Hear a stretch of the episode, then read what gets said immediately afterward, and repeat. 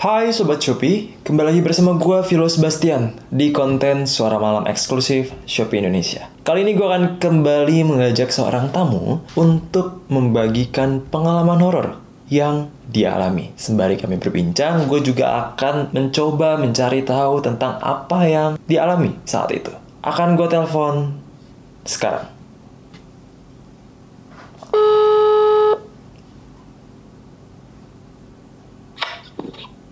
Halo, Halo, selamat malam dengan Karamel Lovarina. ya ini dengan saya sendiri. Hai Karamel, eh sorry sebelumnya, lebih baik gue manggil dengan apa ya? Panggil aja Ayoli. Oke, Aili. Aili sebelumnya terima kasih sudah mau bergabung di konten Suara Malam bersama dengan gua. Iya.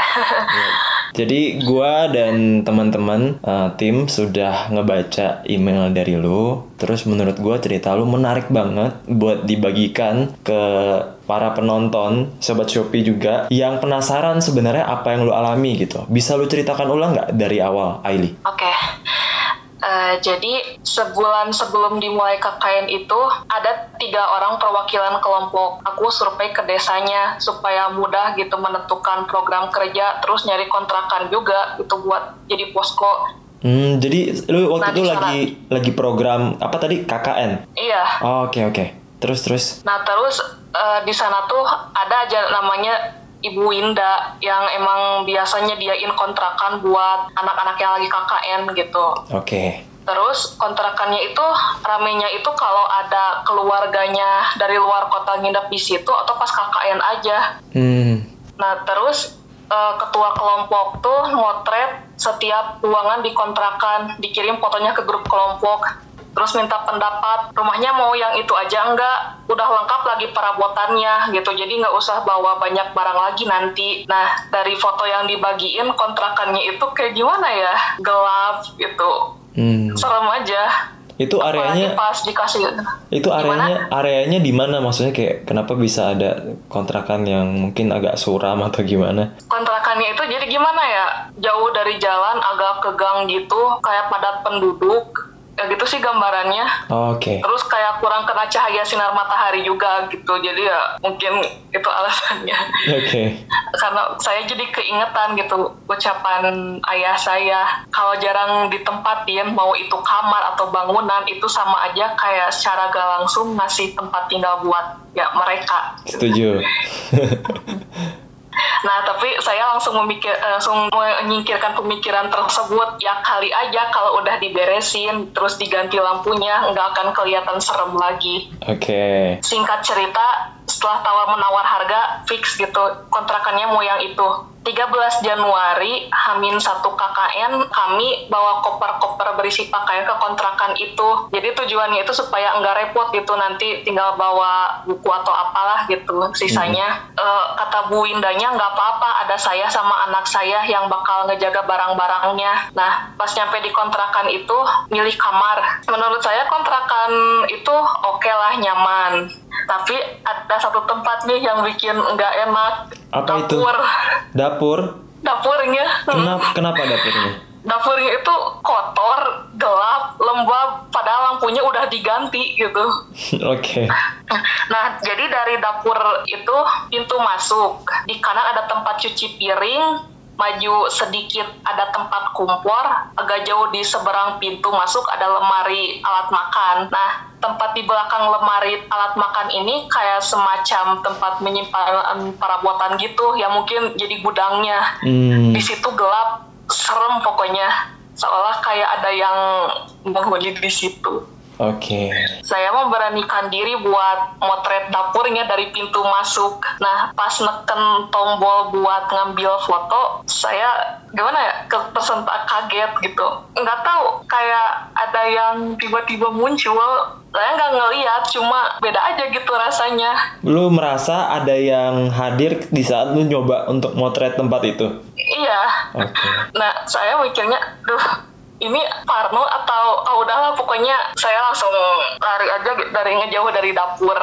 Mm-mm. Nah, pas 14 Januari hari pertama KKN, eh, hari pertama tidur di kontrakan itu, malamnya mimpi gitu. aku eh, saya ada di satu ruangan nggak tahu di nggak tahu ruangan tengah nggak tahu apa samar aja gitu nah di ujung ruangan itu saya lihat ada sosok Mbak Kun Oh. ngebelakangin saya posisinya Tapi lu nggak lu nggak kenal ruangan itu di mana? enggak aduh jadi ingat kayak Insidious Oke, jadi tiba-tiba lu di sebuah ruangan, tempatnya lu bisa gambarin nggak mungkin perabotnya atau suasana atau warnanya. gimana ya ub- kayak ubin kontrakan aja gitu warna putih Jadi itu Oh, terus itu di ruang tengah kontrakan lu tinggal atau bukan? ya kayaknya itu sih ruangan tengah kontrakan itu cuma nggak jelas gitu di pinggir-pinggirnya nggak tahu apa Oke oke menarik. Lanjut lanjut lanjut. Setelah itu gimana? Lu ngelihat ada sosok Mbak Kun habis itu? seolah kayak menyadari kehadiran saya Mhm. si Mbak Kun itu ngedeket cepet banget gitu otomatis kan saya nutupin wajah dengan kedua tangan saya gitu gak mau ngelihat sosoknya kayak gimana nggak sanggup gitu nah tapi sosok Mbak Kun itu kayak berusaha ngejauhin tangan saya dari wajah saya kayak maksa buat ngelihat dia Ah, gitu Oke. ah pokoknya takut banget gitu. Nah untungnya mimpi buruk itu berakhir gitu karena ada teman saya yang keburu ngebangunin.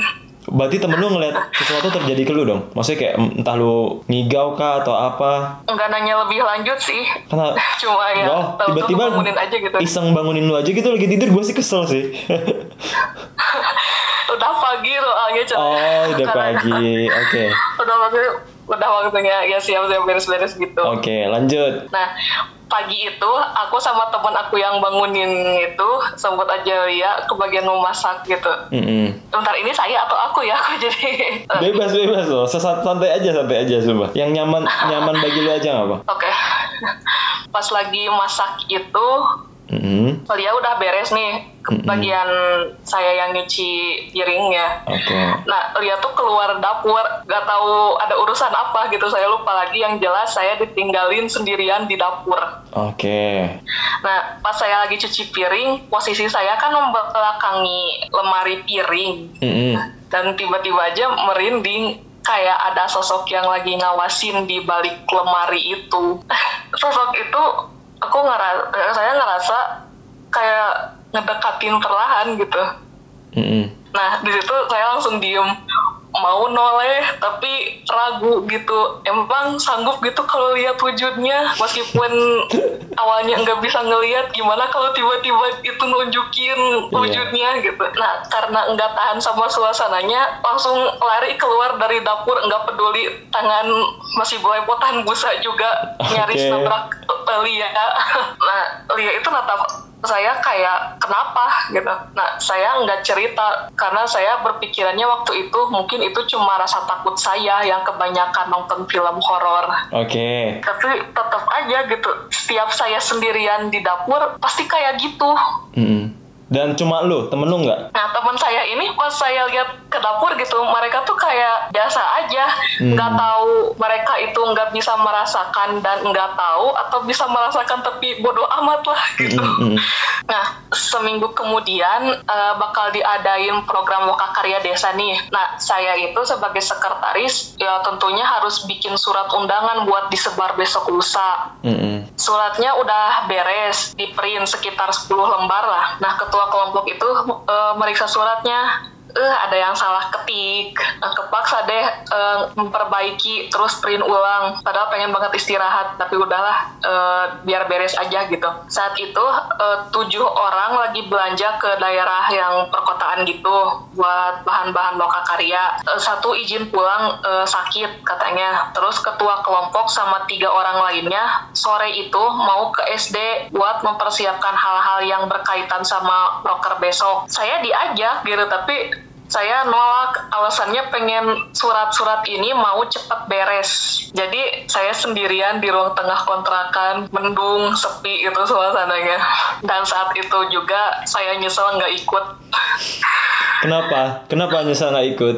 Ngerasa nggak enak kayak ada yang ngawasin dari arah ruang tamu. Jadi ruang tamu sama ruang tengah di kontrakan itu jadi satu gitu. Mm-mm. Terus yang ngawasin saya itu kayak mendekat naik ke atas kursi di sebelah kanan belakang saya. Dari mana kamu tahu dia ngedekat terus naik ke kursi di belakang lu? Maksudnya apa yang lu rasain gitu? Sampai lu berpikir seperti itu. Gimana? Merinding. Terus gimana ya? Kayak si ada kayak suara derit kursi gitu. Oh, oke. Lanjut. Nah kalaupun disebut cuma rasa takut saya masa iya gitu. Saya ngerasa bener-bener gak sendirian di situ. Mm-hmm. saya komat kamit baca doa nggak berani ngelihat ke mana pun selain ke arah laptop. Udah ah deg-degan. Mm-hmm. kemudian suasana jadi hening. Berarti ngefek tuh? saya bisa menghela ngefek tuh? Berarti habis doa ngefek tuh? Makanya jadi lebih hening? Iya kayaknya kayaknya nah okay. itu menghela nafas lega lah gitu. Mm-hmm. tapi nggak lama dari situ aku ngera saya ngerasa ada yang lewat cepat di belakang saya. Mm -hmm. Nah, karena enggak tahan sama suasananya, saya cepat-cepat lari keluar dari posko, diem di warung sebelah sambil nunggu teman-teman pulang. Gak berani masuk ke posko. Posko tuh maksudnya kontrakan itu? -uh. Oke. Okay. Nah, terus saya juga nyeritain ke Ripki, teman yang punya indera keenam. Nah, hmm. katanya itu terjadi karena saya lagi satu frekuensi sama mereka nah saya nggak paham gitu maksudnya itu apa hmm. nggak nanya lebih lanjut sih tapi lu yakin temen lu yang namanya Reki ini beneran bisa? Iya. Oke, okay, bagus. Setelah itu gimana? Nah, sekitar dua minggu sebelum KKN berakhir, satu malam gitu, kumpul semuanya uh, kita bicara apa aja gitu. Awalnya evaluasi kelompok uh, curhat gitu. Terus ya kayak permainan biasa ngobrol-ngobrol. Terus uh, pembicaraan kami itu mengarah ke hal-hal yang horor. Si ketua kelompoknya ini yang mulai. Jadi kemarin itu katanya dia ngeliat pas menjelang maghrib lah ngeliat Mbak Kun lagi duduk di tangki di sebelah tangki air ngebelakangin dia. Pas dia mau ngambil anduk di tempat jemuran yang letaknya di lantai dua. Mm. gak ngeliat sih mukanya gimana katanya. Nah terus lanjut bilang gini kalian tahu nggak di dapur juga ada? Dan gitu. Nah semuanya pada heran gitu pada geleng-geleng kepala nggak tahu tuh ngeresponnya gitu. Kecuali mm-hmm. aku. Nah di situ saya pun mulai mau menceritakan gitu. Yang saya alami setiap ada di dapur sendirian. Terus pengalaman pas sendirian di kontrakan ngurusin surat nyesel nggak ikut sama temen. Terus mimpi pas pertama kali uh, tidur di kontrakan itu. Oke. Okay. yang ketemu Mbak Kun Mm-mm. Teman-teman pada nanya, kok nggak bilang dari awal sih ada yang kayak gitu, kasihan nggak? Mm. Ya saya jawab takutnya mereka malah enggak nyaman lagi di sini gara-gara cerita saya gitu. Oh betul betul betul. Nah terus ketua kelompoknya ngomong lagi, nah kalau sosok di dapur itu aku ngeliat juga rambutnya panjang berantakan sosoknya hitam gitu hitam semua nggak jelas itu perempuan apa laki-laki gitu. Mm. tapi untungnya sih nggak sampai ada kejadian kerasukan atau gangguan yang parah lah gitu mm. uh, Ricky ini yang pertama tahu pengalaman-pengalaman horor saya dari awal KKN lewat chat gitu oh okay. lebih parah katanya kalau di saya udah ada yang gedor-gedor pintu mulu cina tiap malam dari ruang belakang. Ada yang kerasukan lah apalah. Ya untuk deh e, seenggaknya bersyukur di kontrakan itu nggak ada kejadian apa-apa. Pas 13 Februari 2019 eh, nggak uh, kerasa besok tuh hari terakhir KKN gitu. Mm -hmm. Pas uh, ngelaksanain acara perpisahan uh, udah beresnya foto bareng aja sama Bu Winda di ruang tengah kontrakan. Terus uh, foto itu tuh dicetak uh, dipajang di dinding ruang tengah sebelahan sama foto-foto mahasiswa KKN universitas lain yang pernah kontrak di situ. Oh, oke okay, oke. Okay. Nah, 14 Februari itu udah pulang aja ke rumah masing-masing. Hmm. Ya biasalah uh, belum pada share fotonya di grup chat. Nah, Lia ini chat secara pribadi ke saya, Li, tahu nggak kata temen aku nih yang bisa ngelihat mereka sosok hitam itu yang ada di dapur ada di belakang aku pas kita lagi foto-foto sama Bu Winda. Oke. Okay. Nah, posisi Lia itu pas lagi di foto ada di dekat pintu menuju ke dapur yang gelap gitu. Mm. Gak ngeliat apa-apa sih, cuma katanya ada aja di situ. Mm. Nah, terus uh, aku terus saya cerita nih ke temen pengalaman KKN saya. Temen aku tuh namanya Mei pas dia datang ke rumah. E, sama kayak Rifki nih, dia juga punya indera keenam. Terus aku nunjukin foto yang diambil di tanggal 13 Januari yang foto dapur itu yang blur. Oke. Okay. Nah, Mei, uh, aku kayak tersentak kaget gitu pas foto dapurnya, soalnya kayak ada yang tiba-tiba muncul gitu. Tapi aku gak ngeliat, makanya hasil foto dapurnya blur gitu aku ngejelasin ke dia terus Mei ngeliat foto itu sebentar terus nunjuk ke bagian pinggir lemari alat makan ngomong gini, iyalah mau nggak kaget gimana orang kamu motretnya pas sosok itu melongok dari balik lemari alat makan. Hmm. Aduh langsung merinding di situ.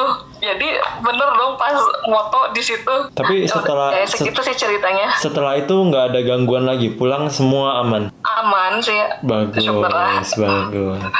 Kalau gue mau narik kesimpulan tapi sebelum itu gue mau nanya di mimpi pertama lu itu yang lu lihat ada Mbak Kun kan lu ada bilang ke gue kalau suasananya itu kayak di ruang tengah kontrakan itu ya iya mirip-mirip mirip-mirip barangnya posisinya cuma agak nggak jelas betul iya ada lu masih inget gak itu warna warna yang lu lihat uh, masih sesuai dengan ruang tengah atau agak-agak gelap atau agak blur atau gimana? Blur, gelap. Itu makanya jadi inget Insidious gitu.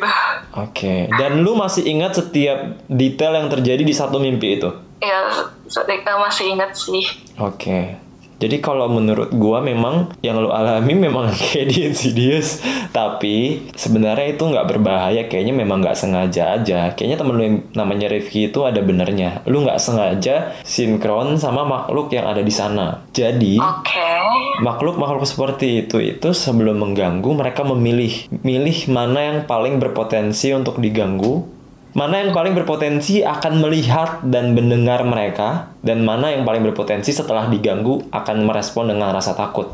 Alasannya adalah karena mereka yang negatif makan perasaan takut, bingung dan lain sebagainya. Dan ketika lu nggak sengaja sinkron sama dia, memungkinkan ketika seorang manusia awam itu tidur lalu terseret ke dunia sebelah. Jadi lu nggak sengaja mampir ke dunia mereka gitu yang kayak di Insidious tadi dan tertolong dengan keberadaan temen lu yang manggil lo. Karena kenapa gue bisa yakin itu yang terjadi? Kalau mimpi itu orang hanya akan ingat 10 sampai 15% itu pun banyak banget yang orang setelah bangun dia nggak akan ingat apa pun. Sedangkan hmm. lu ingat wujudnya kayak gimana, posisinya seperti apa, habis itu dia nyoba buka tangan lu untuk lu ngelihat muka dia bener nggak? Iya. Kalau itu mimpi lu nggak akan ingat sampai sedetail itu. Kayak lu bilang lu terselamatkan karena temen lu bangunin lu. Yang di mana? Iya. Yang gua tahu adalah itu yang mereka lakukan. Ketika ada yang negatif di dunia di dunia sebelah, dia sadar lu masih hidup, dia lihat badan lu di kamar lu, dia akan nyoba untuk nakut-nakutin lu sebisa mungkin supaya lu menjadi suplai makanan bagi mereka. Jadi kasarnya ya, oh, ya, kasarnya lu zong aja di kontrakan itu memang dari awal ada penghuni di kontrakan itu. Cuma balik lagi yang lu hmm. bilang, kok teman-teman lu pada nggak tahu gitu, teman-teman lu nggak merasakan apa yang lu rasain, ngelihat apa yang lu alami pada saat di dapur.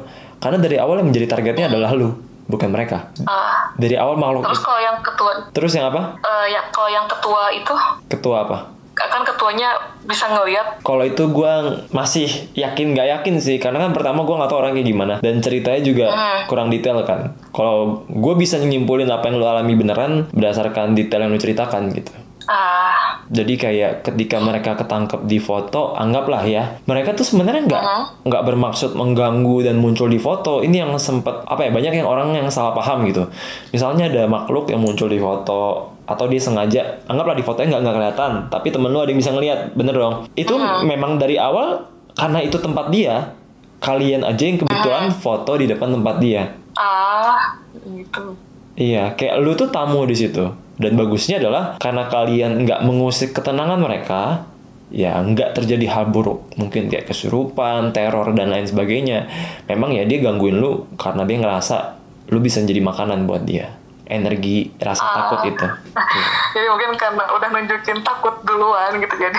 Iya, di malam di mimpi awal-awal lu baru tinggal lagi. Makanya ketika lu lagi sendiri eh, gangguan itu akan lebih gampang muncul ketika lu lagi sendiri karena mereka nggak perlu menggunakan energi yang besar.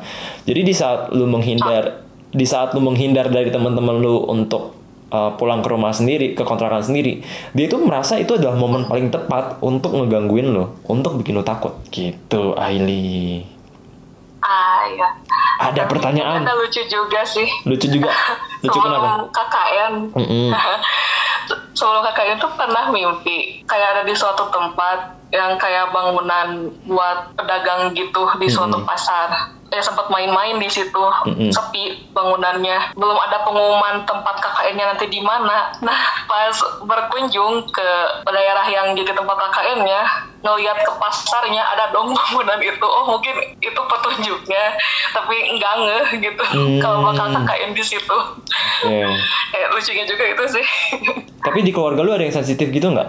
Hmm, kalau dilihat-lihat sih ayah sendiri. Oh, oke. Soalnya ayah pernah ngalamin mati suri. Kalau boleh tahu lu asal mana? Garut. Berapa bersaudara? Anak tunggal. Oh, anak tunggal. Ya. Kalau yang gue tahu ya Aili ya, perempuan itu ada masa-masanya di mana mereka menjadi sensitif dengan hal-hal semacam itu. Jadi kayak Nah, itu.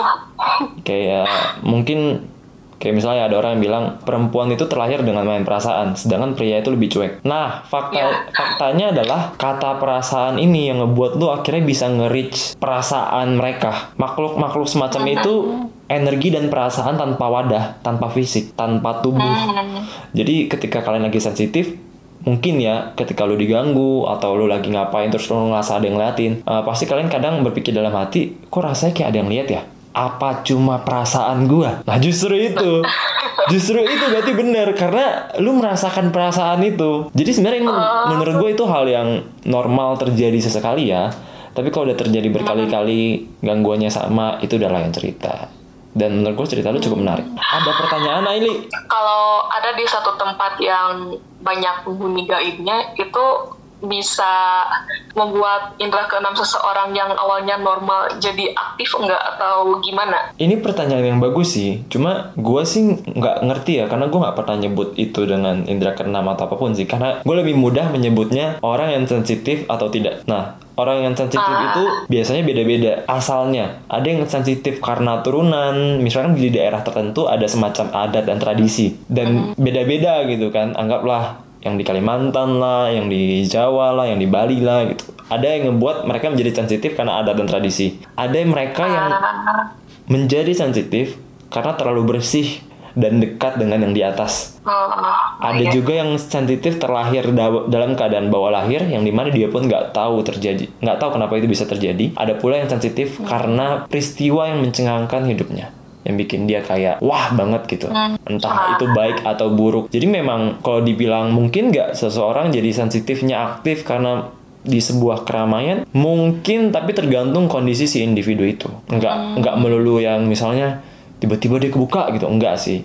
Tapi ada juga yang zong misalnya dia mampir ke sebuah area yang anggaplah angker terus dia mengganggu. Hmm. ada kemungkinan dia jadi sensitif tapi bukan karena dianya tapi karena dia ketempelan. Itu juga bisa itu. Oh, oh iya. mungkin lu pernah dengar istilah orang ketempelan jadi eh, pelangak pelongo jadi lihat etan gitu kan. Tapi kalau udah dibersihin biasanya hilang.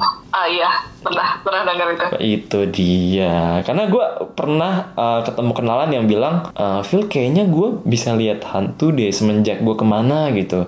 Katanya dia jadi sensitif lihatnya jadi jelas banget. Tapi karena dia mengklaim itu sendiri tanpa mencari pihak mengkonfirmasi pas gue lihat Wah bahaya nih, ternyata dia bisa lihat, sorry, entah itu hantu, jin, atau arwah, karena ada makhluk yang menempel sama dia. Karena ada makhluk yang nempel yang ngebuat dia lihat itu sebenarnya bukan dia yang lihat, tapi makhluknya yang lihat. Paham kan maksud gua? Nah itu yang sebenarnya nggak bagus bagi si individu itu. Kalau gua kan cerita gue selalu gangguannya berbeda gitu, tergantung tempat. Jadi gitu, Aili menurut gua. Hmm. Ah, oke. Gimana? Sudah menjelaskan? Ya, eh, cukup penjelasannya. Oke. Saya ngerti sekarang. Ada pertanyaan lagi? Em, nggak ada. Oke. Sekali lagi terima kasih Aili. Nama lu unik loh. Iya. Karamel tuh nama asli. Karamel, nggak. Oke. Cuma nickname aja. Oh nickname aja. Gue kira nama asli. Gue nggak karamel karamel. Oke. Terima kasih Aili. sudah uh, meluangkan waktu untuk membagikan cerita lu yang menurut gue lumayan serem ke penonton gue ada sobat Shopee di sini. Semoga bisa menghibur dan menginformasi lu ya Aili. Iya, terima kasih juga eh, Ko Vilo untuk udah nge- dengerin ceritanya saya terus ngejelasin hal-hal yang saya kurang ngerti juga gitu. Oke, kalau ada teman-teman lu yang punya cerita bagus lagi bisa email ke gue ya. Nanti kita ngobrol bareng. Kan bisa kalau rame-rame juga di sini. Baiklah Aili, terima kasih. Kalau gitu gue akhiri teleponnya dulu karena gue harus closing dulu. Oke? Oke, Terima siap. kasih Aili. Dan itu dia konten suara malam kali ini bersama dengan Aili yang menceritakan pengalamannya tentang uh, aktivitas KKN yang dialami dengan teman-temannya. Jadi kalau gue udah dengar ceritanya, menurut gue ini cukup menarik ya. Uh, banyak banget orang-orang yang punya cerita soal ketindihan atau mungkin sebutan lainnya ketindisan. Ketika orang yang sedang tidur nggak bisa bergerak, mulai melihat yang aneh-aneh, mendengar suara yang membuatnya tidak nyaman. Apa yang dialami Ali itu tahap lanjutnya dari ketindihan, yaitu lepas dari badan. Biasanya orang yang ngalamin ini memang entah kondisi tubuhnya lagi nggak fit, atau mungkin dia sensitif, atau sedang tidak sengaja tersinkronisasi dengan makhluk yang ada di wilayah itu. Dan gua rasa itu aja konten suara malam kali ini. Semoga Sobat Shopee bisa terhibur. Uh, jangan lupa subscribe channel Shopee Indonesia. Nyalakan loncengnya. Tunggu konten-konten menarik berikutnya. Gue Philo Sebastian, pamit undur diri. Terima kasih.